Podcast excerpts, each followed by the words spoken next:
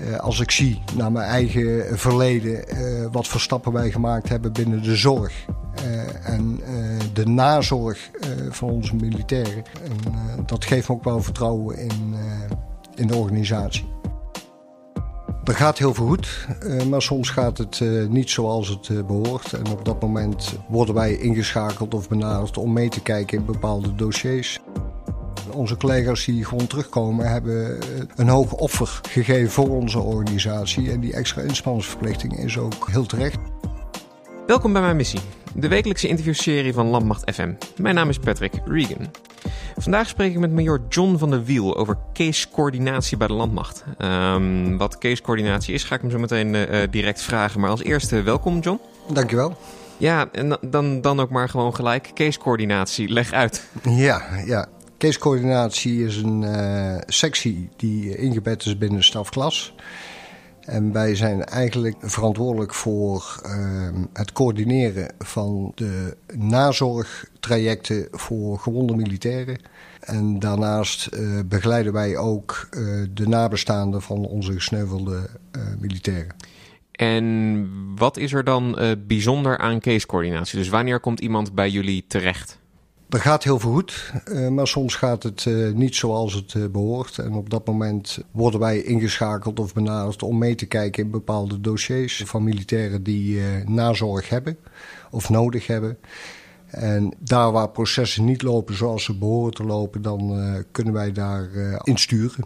Want in welke zin is casecoördinatie dan um, anders dan bijvoorbeeld een bedrijfsmaatschappelijk werker, een psycholoog, een geestelijk verzorger? Want dat zijn uh, vanuit mijn perspectief ook allemaal mensen die ervoor zijn om uh, gewonden op wat voor manier dan ook te helpen. Ja, nou dat is uh, wel goed dat je die vraag stelt. Wij zijn als casecoördinator geen hulpverlener, maar wij bewaken het proces. En dat betekent dat om zo'n cliënt heen, om zo'n collega heen, heel veel mensen ondersteunen als hulpverlener, als behandelaar. Uh, en dat is ook prima. Uh, maar soms uh, zie je dat dat soort processen ook stagneren door wachtlijsten of doordat de zorg niet goed op elkaar afgestemd is. En op dat moment kunnen wij een adviserende, coördinerende rol op ons nemen, zodat die processen ook wel een normale weg gaan vinden. En uh, het is wel zo dat we als organisatie onszelf ook opgelegd hebben om een extra inspanning uh, te verrichten. En normaal bij normaal ziekteverzuim en mensen die niet inzetbaar meer zijn, uh, heb je een ontslagbeschermingstermijn van twee jaar. En in dit geval uh, geven we uh, ook meer ruimte uh, aan mensen die in en door de dienst letsel op hebben gelopen. En houden we minder vast aan die strikte tijd van twee jaar. Kun je een voorbeeld noemen waarbij je dan die extra tijd zeg maar, hebt genomen? Ja, er zijn mensen die, en dat zeker, zeker bij zwaargewonden en, en PTSS-gerelateerde problematiek, zie je dat er gewoon meer tijd nodig is om te herstellen. Waardoor uh, de twee jaar vaak ook te kort is om weer belastbaar te worden en, en enig zicht te krijgen op arbeidsperspectief.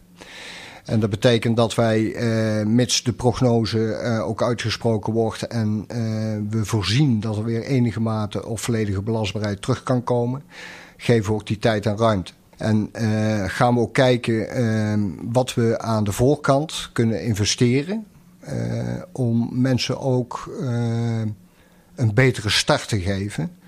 Uh, en dat kan zijn dat we uh, uh, mensen die twee, drie jaar nodig hebben om weer belastbaar te worden, ook die tijd en ruimte geven. En daarna pas gaan kijken naar welke ambities er zijn, welke mogelijkheden er zijn om mensen weer goed te laten landen. Ik denk dat we, we kunnen heel erg in processen blijven praten, maar ik denk dat we gewoon het over voorbeelden moeten hebben. Wat zou nou het, het, het meest typerende voorbeeld zijn voor het soort cases waar jullie mee in aanraking komen? Nou, we hebben natuurlijk in de beginfase heel veel uh, uh, collega's geha gehad met een fysieke uh, verwonding. En dan praat je over een, een, periode van herstel. We kijken ook naar de mate van terugkeer van belastbaarheid. en dan kun je ook een plan van aanpak opstellen. Uh, om uh, het traject te doorlopen om mensen ergens goed te laten landen. Want dit gaat heel erg over, jullie bestaan nu tien jaar volgens mij? Ja, ruim tien jaar. Dus, dus dit gaat heel erg over de tijd van Oeroesgan, dat er veel meer e-, echt letsel, gewonden met letsel terugkwamen van missiegebieden. Ja, en de laatste jaren is met name een toename met PTSS-gerelateerde problematiek. en dat betekent ook een andere benadering naar de collega's, omdat fysiek is zichtbaar. Uh, hoeven niet uit te leggen uh, waar ze mee dealen. Uh, maar voor PTSS-gerelateerde problematiek is, is dat toch een ander verhaal. deze, deze verwonding is niet zichtbaar. betekent ook vaak dat er geen erkenning is of geen begrip. Ehm, ja, en mensen in die situatie ehm, ja, zul je toch anders moeten begeleiden en anders moeten benaderen. En uh, vaak is de aandacht en erkenning natuurlijk heel belangrijk in dit soort uh, uh, dossiers. Um, en vanuit casecoördinatie is het in ieder geval uiteindelijk het doel dat mensen weer stabiel worden. weer belastbaar worden, in, in welke vorm dan ook. Zodat we ook mensen kunnen ondersteunen om weer hun weg te vinden naar de arbeidsomgeving. Stel nou dat er, uh, er komt een militair terug uit Mali en die heeft uh, eh, eh, PTSS-klachten. Ehm, hij komt bij jullie omdat er een proces niet goed loopt, of in ieder geval hij heeft jullie steun nodig. Wat voor middelen heb je dan en wat voor dingen kun je dan doen om zo'n persoon dan verder te helpen? Ja, normaal gesproken loopt er bij zo'n persoon altijd een reïntegratiebegeleider. En dat is ook de, de regisseur van het reïntegratietraject. En, en uh, die gaat ermee aan de slag. Maar als zaken heel complex worden en dat er meerdere factoren van invloed zijn, waardoor uh, zo'n proces stilvalt of stagneert, worden wij betrokken als casecoördinator en gaan we ook mee kijken uh, welke middelen er nodig zijn om bepaalde knelpunten op te lossen. En dat kan ehm, op gebied van zorg zijn, maar dat kan ook financiële aspecten zijn. Of dat kunnen eh, hele kleine dingen zijn eh, die je weg kunt halen vanuit casecoördinatie, eh, waardoor er meer rust ontstaat bij, bij de collega. Wat is dan zo'n klein ding? Nou, dat kunnen, kunnen zaken zijn in de, in de praktische zin in het gezinsleven, hè, waar, ook, waar je ook vaak ziet dat er, dat er een verhoogde spanning kan ontstaan. Uh, het kan zijn dat er financiële problematiek ontstaat, uh, door welke oorzaak dan ook. Nou, dat zijn dan wel uh, de ingrediënten die zo'n hersteltraject frustreren. En wij proberen van casecoördinatie dan die, die knelpunten weg te, weg te nemen. En dat kan zijn in de vorm van financieel gezien een renteloos voorschot of een renteloze lening. Waardoor in ieder geval dat soort factoren die wel van invloed zijn en een negatieve eh, effect hebben op eh, herstel en stabiliteit, om die eh, tijdelijk weg te nemen. Ik kan me voorstellen dat als je in zo'n situatie zit, dan gebeurt er al zoveel met je. Dan ben je mentaal met zoveel dingen tegelijk bezig. Dat ieder klein dingetje is een extra last eigenlijk. Dus alles wat je weg kan nemen helpt dan al. Ja, dat is, dat is correct. je ziet op het gebied van buiten financiën uh, ook soms verslavingsproblematiek, uh, strafrechtelijke aanraking. Uh, door welke oorzaak dan ook. ja, en dan speel je ook als casecoördinator wel een sturende rol in. dus er zijn ook wel contacten met wanneer iemand betrokken is bij een strafbaar feit. Uh, hebben we ook overleg met uh, uh, JDV en JZ, juridische zaken, om, om dit soort issues te bespreken, hoe daarmee om te gaan in dit soort situaties. Je liet me er straks een, een, lijstje zien met alle instanties waar jullie mee te maken hebben. Dat zijn, is een gigantische lijst met allerlei organisaties binnen Defensie en buiten Defensie. Ja. en je omschreef jezelf ook een beetje als de, de helikopterfiguur. dus je hangt er een beetje boven en zorgt ervoor dat iedereen met elkaar praat. Nou ja, je, je, kijkt natuurlijk van bovenaf naar zo'n proces. En er zijn allerlei spelers betrokken bij uh, de ondersteuning en het herstel. Uh, om iemand weer goed uh, weg te kunnen zetten. met alle goede bedoelingen. De commandant blijft natuurlijk altijd verantwoordelijk tot aan datum ontslag. Als daar sprake van is. Als er geen belastbaarheid meer is. Voor een stuk personeelszorg. en commandanten weten daar niet altijd goed mee om te gaan. Vaak door eh, de intensiteit van het werk, eh, de, de, operationele opdracht. wij vinden het heel belangrijk dat commandanten die verantwoordelijkheid blijven oppakken. want die A van aandacht is echt essentieel en de binding met de moedereenheid. en daarnaast kijken we natuurlijk ook van bovenaf naar het reïntegratietraject waar heel veel spelers om zo'n cliënt heen hangen. En dan moet, moet je echt denken aan uh, drie, vier, vijf personen. Waardoor er ook onrust kan ontstaan. Uh, en het moet ook allemaal op elkaar afgestemd zijn. En daar zie je wel eens uh, dat processen stilvallen, omdat er te weinig overleg is tussen de diverse functionaries die om zo'n persoon heen hangen ja, dan uh, kan het zijn dat we een interventie plegen en een, uh, een uh, bijeenkomst plannen om alles weer op, een, op een rustig moment kritisch te bekijken wat er tot nu toe gedaan is, waar we staan en waar we naartoe moeten. En daar heb je dan wel een adviserende en coördinerende rol in als casecoördinator. Je zei net, een, een commandant is verantwoordelijk tot een eventueel ontslag. Dat ontslag, is dat voor jullie dan een falen als er iemand uh, uh, ontslagen wordt? Of kan dat soms ook de beste uitweg zijn? Nou ja, als er sprake is van een dienstongeschiktheid, hè, dat, dat een persoon zodanig letsel op heeft gelopen uh, dat hij het beroep als militair niet meer uit kan oefenen. En mocht dat onverhoopt sprake van zijn, dan gaan we kijken naar alternatieven. en die belastbaarheid van de persoon is daar natuurlijk essentieel in en bepalend. Uh, maar als voorbeeld, uh, mensen die weer belastbaar worden en uh, het beroep van militair niet meer uit kunnen oefenen, dan gaan we ook kijken naar alternatieven. We kijken ook naar het opleidingsniveau. mogelijk dat we nog een extra opleiding of cursus of training aanbieden om mensen beter voor te bereiden op het nieuwe werkveld. vaak zie je wel de ambitie dat mensen dan toch als burgermedewerker binnen Defensie graag iets willen. Nou, die mogelijkheid bestaat. Uh, want uh, we hebben natuurlijk het liefst ook mensen die het bedrijf kennen. en als ze als burger terug kunnen keren binnen, binnen onze organisatie, juichen we dat alleen maar toe. dat is niet primair randvoorwaardelijk dat mensen terug moeten keren binnen Defensie. Maar je ziet wel in de praktijk dat ze dat een veilige omgeving vinden. Uh, waar ze zich thuis voelen. En dat is ook belangrijk voor een stuk rust en stabiliteit. Dus zeker dat traject uh, bekijken we altijd of daar mogelijkheden liggen. Mocht dat niet zo zijn of de ambitie is er niet om binnen onze organisatie te blijven, gaan we ook kijken wat er op de arbeidsmarkt mogelijk is. En het uh, kan best zijn dat we uh, mensen dan een opleiding uh, aanbieden. voorlopig bij ons in de organisatie houden. En dan ook begeleiden naar een passend, passende functie gerelateerd aan die opleiding buiten Defensie. En dan ben ik wel heel benieuwd. We hebben het over jullie doel. Is, ligt jullie doel en reden van bestaan primair bij de persoon die de klachten heeft of die in de situatie terecht is gekomen? Of ligt jullie doel primair bij het helpen van de organisatie? Ja, je zoekt wel de balans. Uh, maar uh, wij zijn onafhankelijk uh, en dat, dat, is wel prettig. dus je hebt geen druk vanuit de organisatie dat je een bepaalde richting op moet. We zoeken onze eigen ruimte. Uh, en die, die wordt ook gegeven om te kijken naar uh, alternatieven. En wij, wij denken wel als casecoördinator altijd vanuit het welzijn en, uh, van, van, van, van onze collega. En ehm, vanuit die positie gaan we kijken wat er mogelijk is. en dat doen we ook in overleg met, met de collega zelf.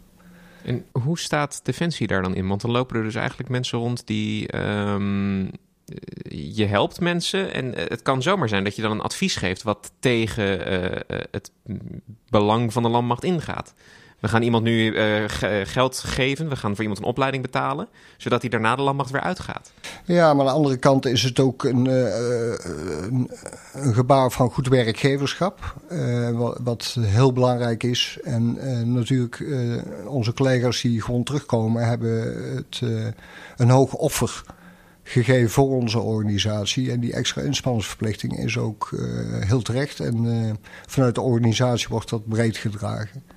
En uiteindelijk gaat het om de persoon en niet om uh, eventuele nadelige effecten binnen de organisatie.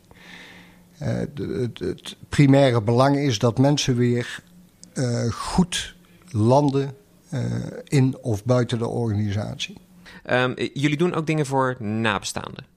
Ja, Ehm, op het moment dat er, eh, dat er collega's sneuvelen, onverhoopt sneuvelen in het uh, inzet of tijdens de operatie, dan ehm, zijn wij vanuit casecoördinatie eigenlijk het eerste aanspreekpunt voor nabestaanden. Dat heeft enerzijds te maken dat er heel veel leed, verdriet is in dit soort situaties, maar ook heel veel vragen ja, voor buitenstaanders is het natuurlijk wel zo dat uh, Defensie heel moeilijk intern te zoeken is naar de juiste instantie of juiste persoon.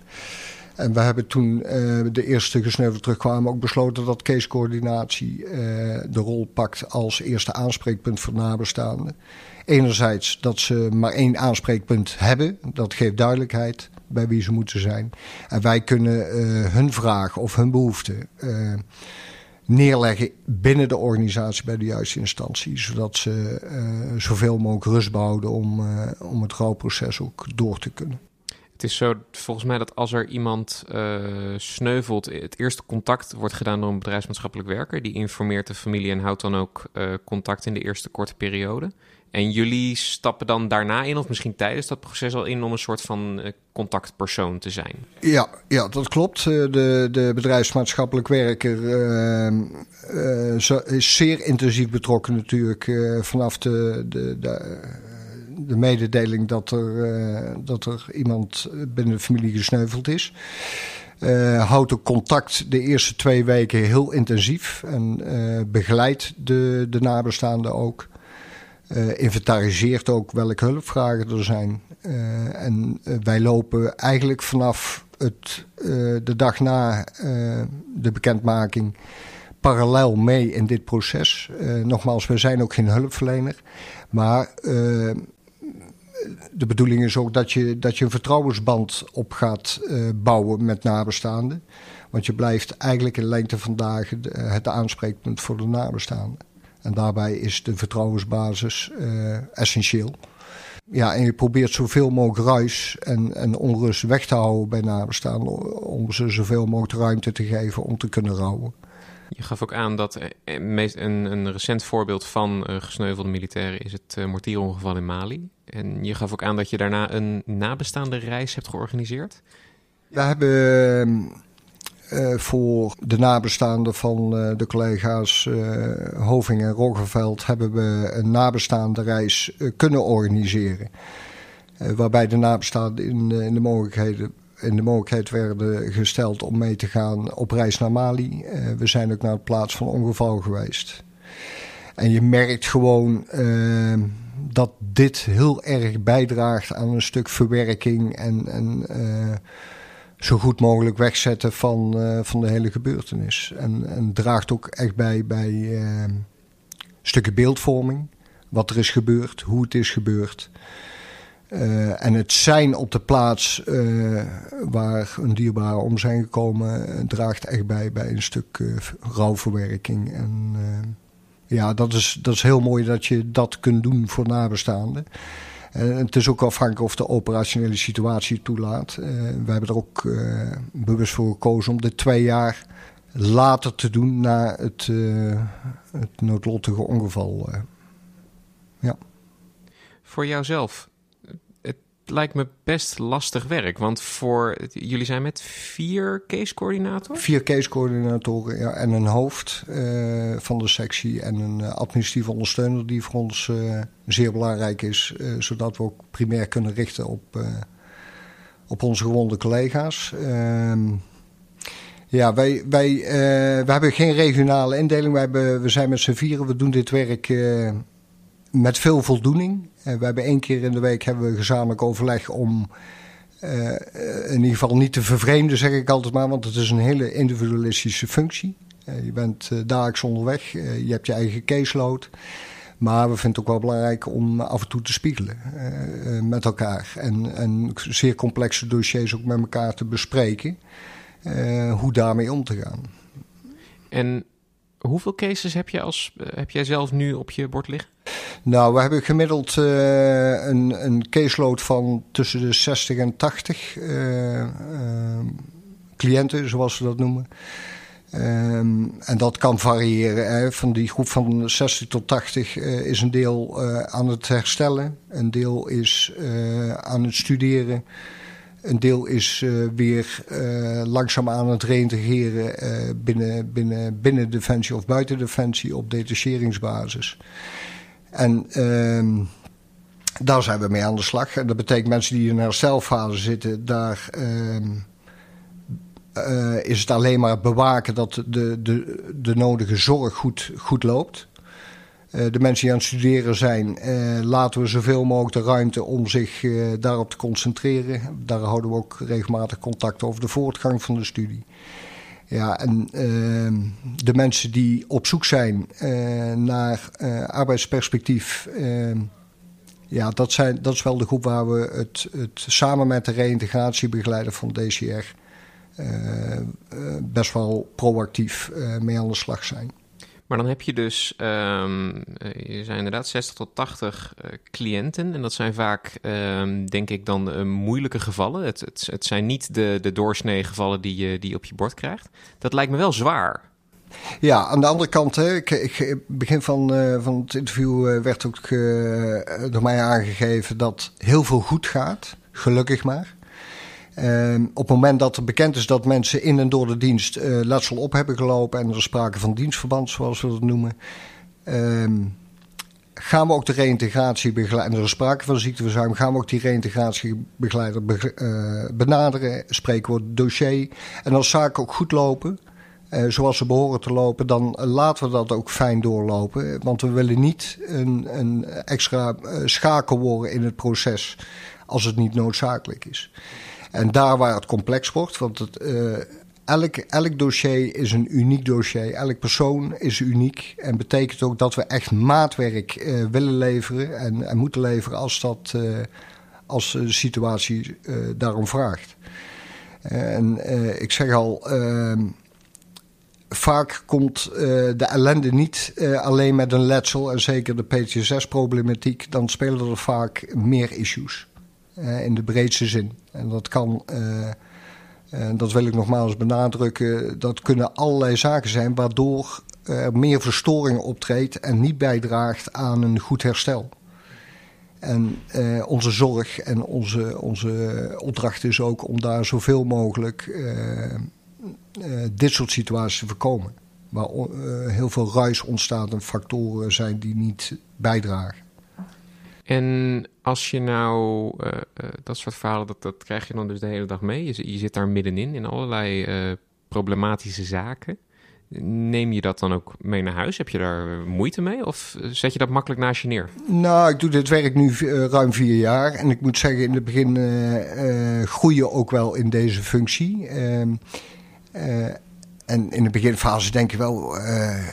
Uh, sta je soms wel eens versteld van de complexiteit, hoe dingen zijn ontstaan. dat houdt je wel bezig, maar het is ook, een, ook voor mij een ontwikkel- en leertraject geweest. als ik nu terugkijk, besef ik wel dat je altijd in een omgeving zit waar sprake van problematiek. Hè, want anders komen we ook niet in beeld.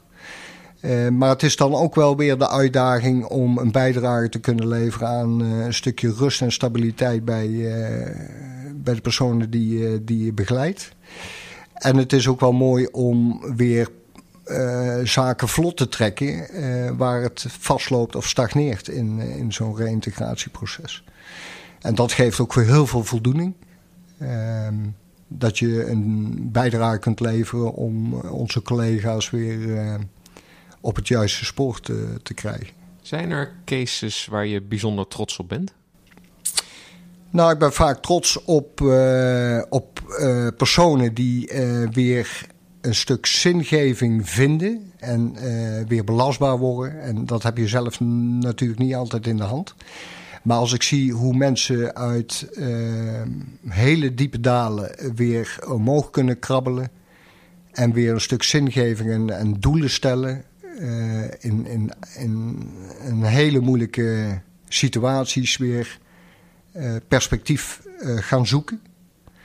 En als je daar een, je steentje aan bij kunt dragen en, en wat middelen en instrumenten in kunt zetten om ze daar ook weer te krijgen, geeft wel heel veel voldoening. Maar ben ik ook trots op, de, op de collega's die die energie weer vinden. En het is ook mooi om te zien dat mensen weer de draad oppakken. En ja, ehm, en dat is niks ten nadele van de mensen die gewoon geen belastbaarheid meer terugkrijgen. Of heel beperkt. Maar ook daar ben ik wel eens trots dat ze dan toch op zoek zijn naar een stukje zingeving in de vorm van vrijwilligerswerk. Of uh, toch uh, dat stukje energie wat er dan toch nog aanwezig is om dat goed, goed te gebruiken. en natuurlijk zijn er succesverhalen. Hè? Mensen die vanuit een heel zwaar herstel uh, weer hun weg terugvinden uh, en er echt beter uitkomen, hoe raar het misschien ook klinkt, uh, als waar ze vandaan kwamen. het voorbeeld dat een corporaal na een studie uiteindelijk te werk gesteld wordt en een, een functie gaat vervullen als fysiotherapeut binnen onze organisatie. Ja, dan ehm, eh, kan ik alleen maar uh, bewondering hebben voor de inzet en, en het doorzettingsvermogen van, uh, van zo'n collega. En zo zijn er wel meer voorbeelden. Hè, dat mensen uh, hun ambities blijven nastreven. met alle beperkingen die ze toch in hun rugzakje meenemen. want PTSS, ik zeg het altijd maar, het is een kras op je plaat die nooit verdwijnt. En dat geeft littekens. En die blijven. Uh, maar dat ze dan toch uh, door echt goede behandelingen hun stap hebben gezet om weer de draad op te pakken. En uh, ook leren omgaan met de beperkingen en de, en de issues waar ze echt wel mee blijven lopen. Jullie krijgen, denk ik, veel van de misschien wel meest gecompliceerde zaken die er binnen de landmacht dan rondlopen. er is echt wel wat voor nodig, denk ik, voordat jullie er heel actief mee gaan bemoeien. Zijn er dan ook uh, cases waarbij het niet goed komt of waarbij het uitzichtloos blijkt? Ja, het is uh, zoals uh, toen straks aangegeven. Hè, we geven mensen die gewoon terugkomen uh, vaak toch wel meer de tijd en ruimte om te herstellen. Want dat is wel de basis om verder te kunnen. Ehm, maar ja, we moeten helaas ook constateren dat, dat de collega's zodanig beschadigd zijn en, en allerlei behandelingen hebben doorlopen. En uiteindelijk uh, vast moeten stellen, helaas, dat er geen of minimale belastbaarheid terugkomt. En dat uh, zijn wel hele moeilijke uh, dossiers, ook voor ons. hoe ver moet je en kun je gaan? Want wat we willen voorkomen is ook dat we mensen murm gaan behandelen. Hè, die al drie, vier keer een behandeling zijn doorlopen. Op een gegeven moment moet je ook mensen beschermen. Om te zeggen, nou, het, het, het, het is wat het is op dit moment. Uh, dat moet je loslaten, dan, dan volgt er ook ontslag. Want het heeft ook geen zin om mensen uh, binnen het bedrijf te houden waar uh, geen perspectief ligt binnen het bedrijf. En in deze gevallen dragen we ze ook over aan het ABP. En daar zit, wordt overgedragen aan een zorgcoördinator binnen het ABP. En die neemt eigenlijk de begeleiding over die wij tot dan toe hebben gedaan.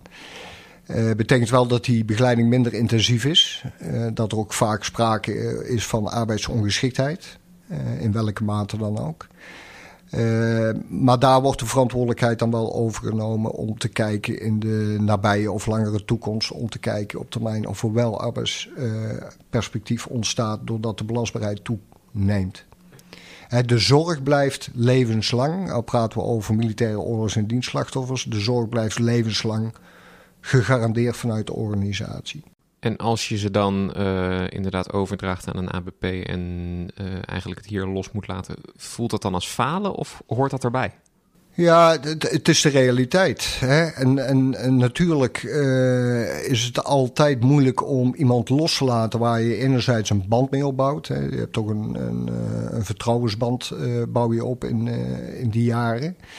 Ehm, en belangrijk is dat er, uh, dat de erkenning er is, uh, maar ook uh, de ondersteuning na ontslag blijvend is. En dat geeft ook wel weer rust. maar ja, het is geen falen, want de situatie is niet anders als dat dat het op dat moment is. Alleen ik kijk dan wel altijd terug, hebben we er alles aan gedaan om de persoon zo goed mogelijk weer op pad te krijgen? En als je daar ja op kunt zeggen, heb ik, kan ik er ook wel vrede mee hebben. De, de persoon die dit werk doet, jijzelf, wat voor eigenschappen, karakter, wat moet er in je als persoon zitten om dit werk te kunnen doen? Nou, ik denk als eerste dat je zelf vanuit je eigen uh, militaire achtergrond en ervaringen weet dat er altijd situaties kunnen ontstaan dat mensen gewoon terugkomen. Uh, fysiek, fysiek, spreekt uh, voor, zelf, voor zichzelf. je weet de gevaren van het beroep, maar het, het, geeft mij wel heel veel vertrouwen in de organisatie dat er altijd een vangnet is. Als er sprake is dat je gewond raakt, dat er zorg er is dat ondersteuning er is. En ik vind het ook wel prettig dat wanneer dingen niet goed gaan, en dat is ook de realiteit, dat er ook nog een vangnet is vanuit casecoördinatie om de zaken te herstellen, te repareren aan de achterkant. Liever zitten we aan de voorkant. Uh, maar de realiteit is ook dat er dingen wel eens fout gaan en dat je dat kunt herstellen. Waardoor het vertrouwen en de erkenning en de aandacht waar ze recht op hebben ook ingevuld wordt. Maar dat geeft ook wel heel veel voldoening, lijkt me. Nou, ik, ik, ik besef me wel dat ik, dat ik een bevoorrecht persoon ben om, deze, om in deze omgeving te mogen werken. Blijf dynamisch. Uh, mijn streven is erna om nogmaals er alles aan te doen om mensen zo goed mogelijk weg te zetten. Dat doen wij niet alleen. met name de hulpverleners, de reïntegratiebegeleider uh, zijn de mensen die het moeten doen samen met die cliënt. En uiteindelijk uh, kunnen we daar alleen maar omheen kijken uh, en, en interveneren als het noodzakelijk is. En ik wil nogmaals benadrukken, ik loop nu 40 jaar rond binnen dit bedrijf. Als ik zie naar mijn eigen verleden wat voor stappen wij gemaakt hebben binnen de zorg en de nazorg van onze militairen denk ik dat we eh, zeker nog stapjes kunnen maken. De zaak op bepaalde assetten echt kunnen verbeteren. dus er blijft altijd nog wel genoeg werk over. maar ik denk wel dat we echt goede stappen hebben gemaakt. En dat geeft me ook wel vertrouwen in, in de organisatie. Onwijs bedankt voor het luisteren. Mijn gast vandaag was major John van de Wiel. Ben je nou fan van de show? Help ons door een review achter te laten op Apple Podcasts of Stitcher. Of raad de show aan bij vrienden, familie, collega's. En ben je nou benieuwd naar een onderwerp dat wij moeten behandelen? Tweet dan met de hashtag Mijn Missie of stuur ons een bericht op Facebook of Instagram. Mijn Missie is een productie van de Koninklijke Landmacht. Nieuwe afleveringen komen iedere maandagochtend online en je vindt ze in de meeste podcastspelers. Gewoon zoeken op Mijn Missie. Abonneer je en mis geen enkele aflevering. Je volgt Koninklijke Landmacht via Twitter, Instagram, Facebook en YouTube en check defensie.nl voor het laatste nieuws rondom de krijgsmacht.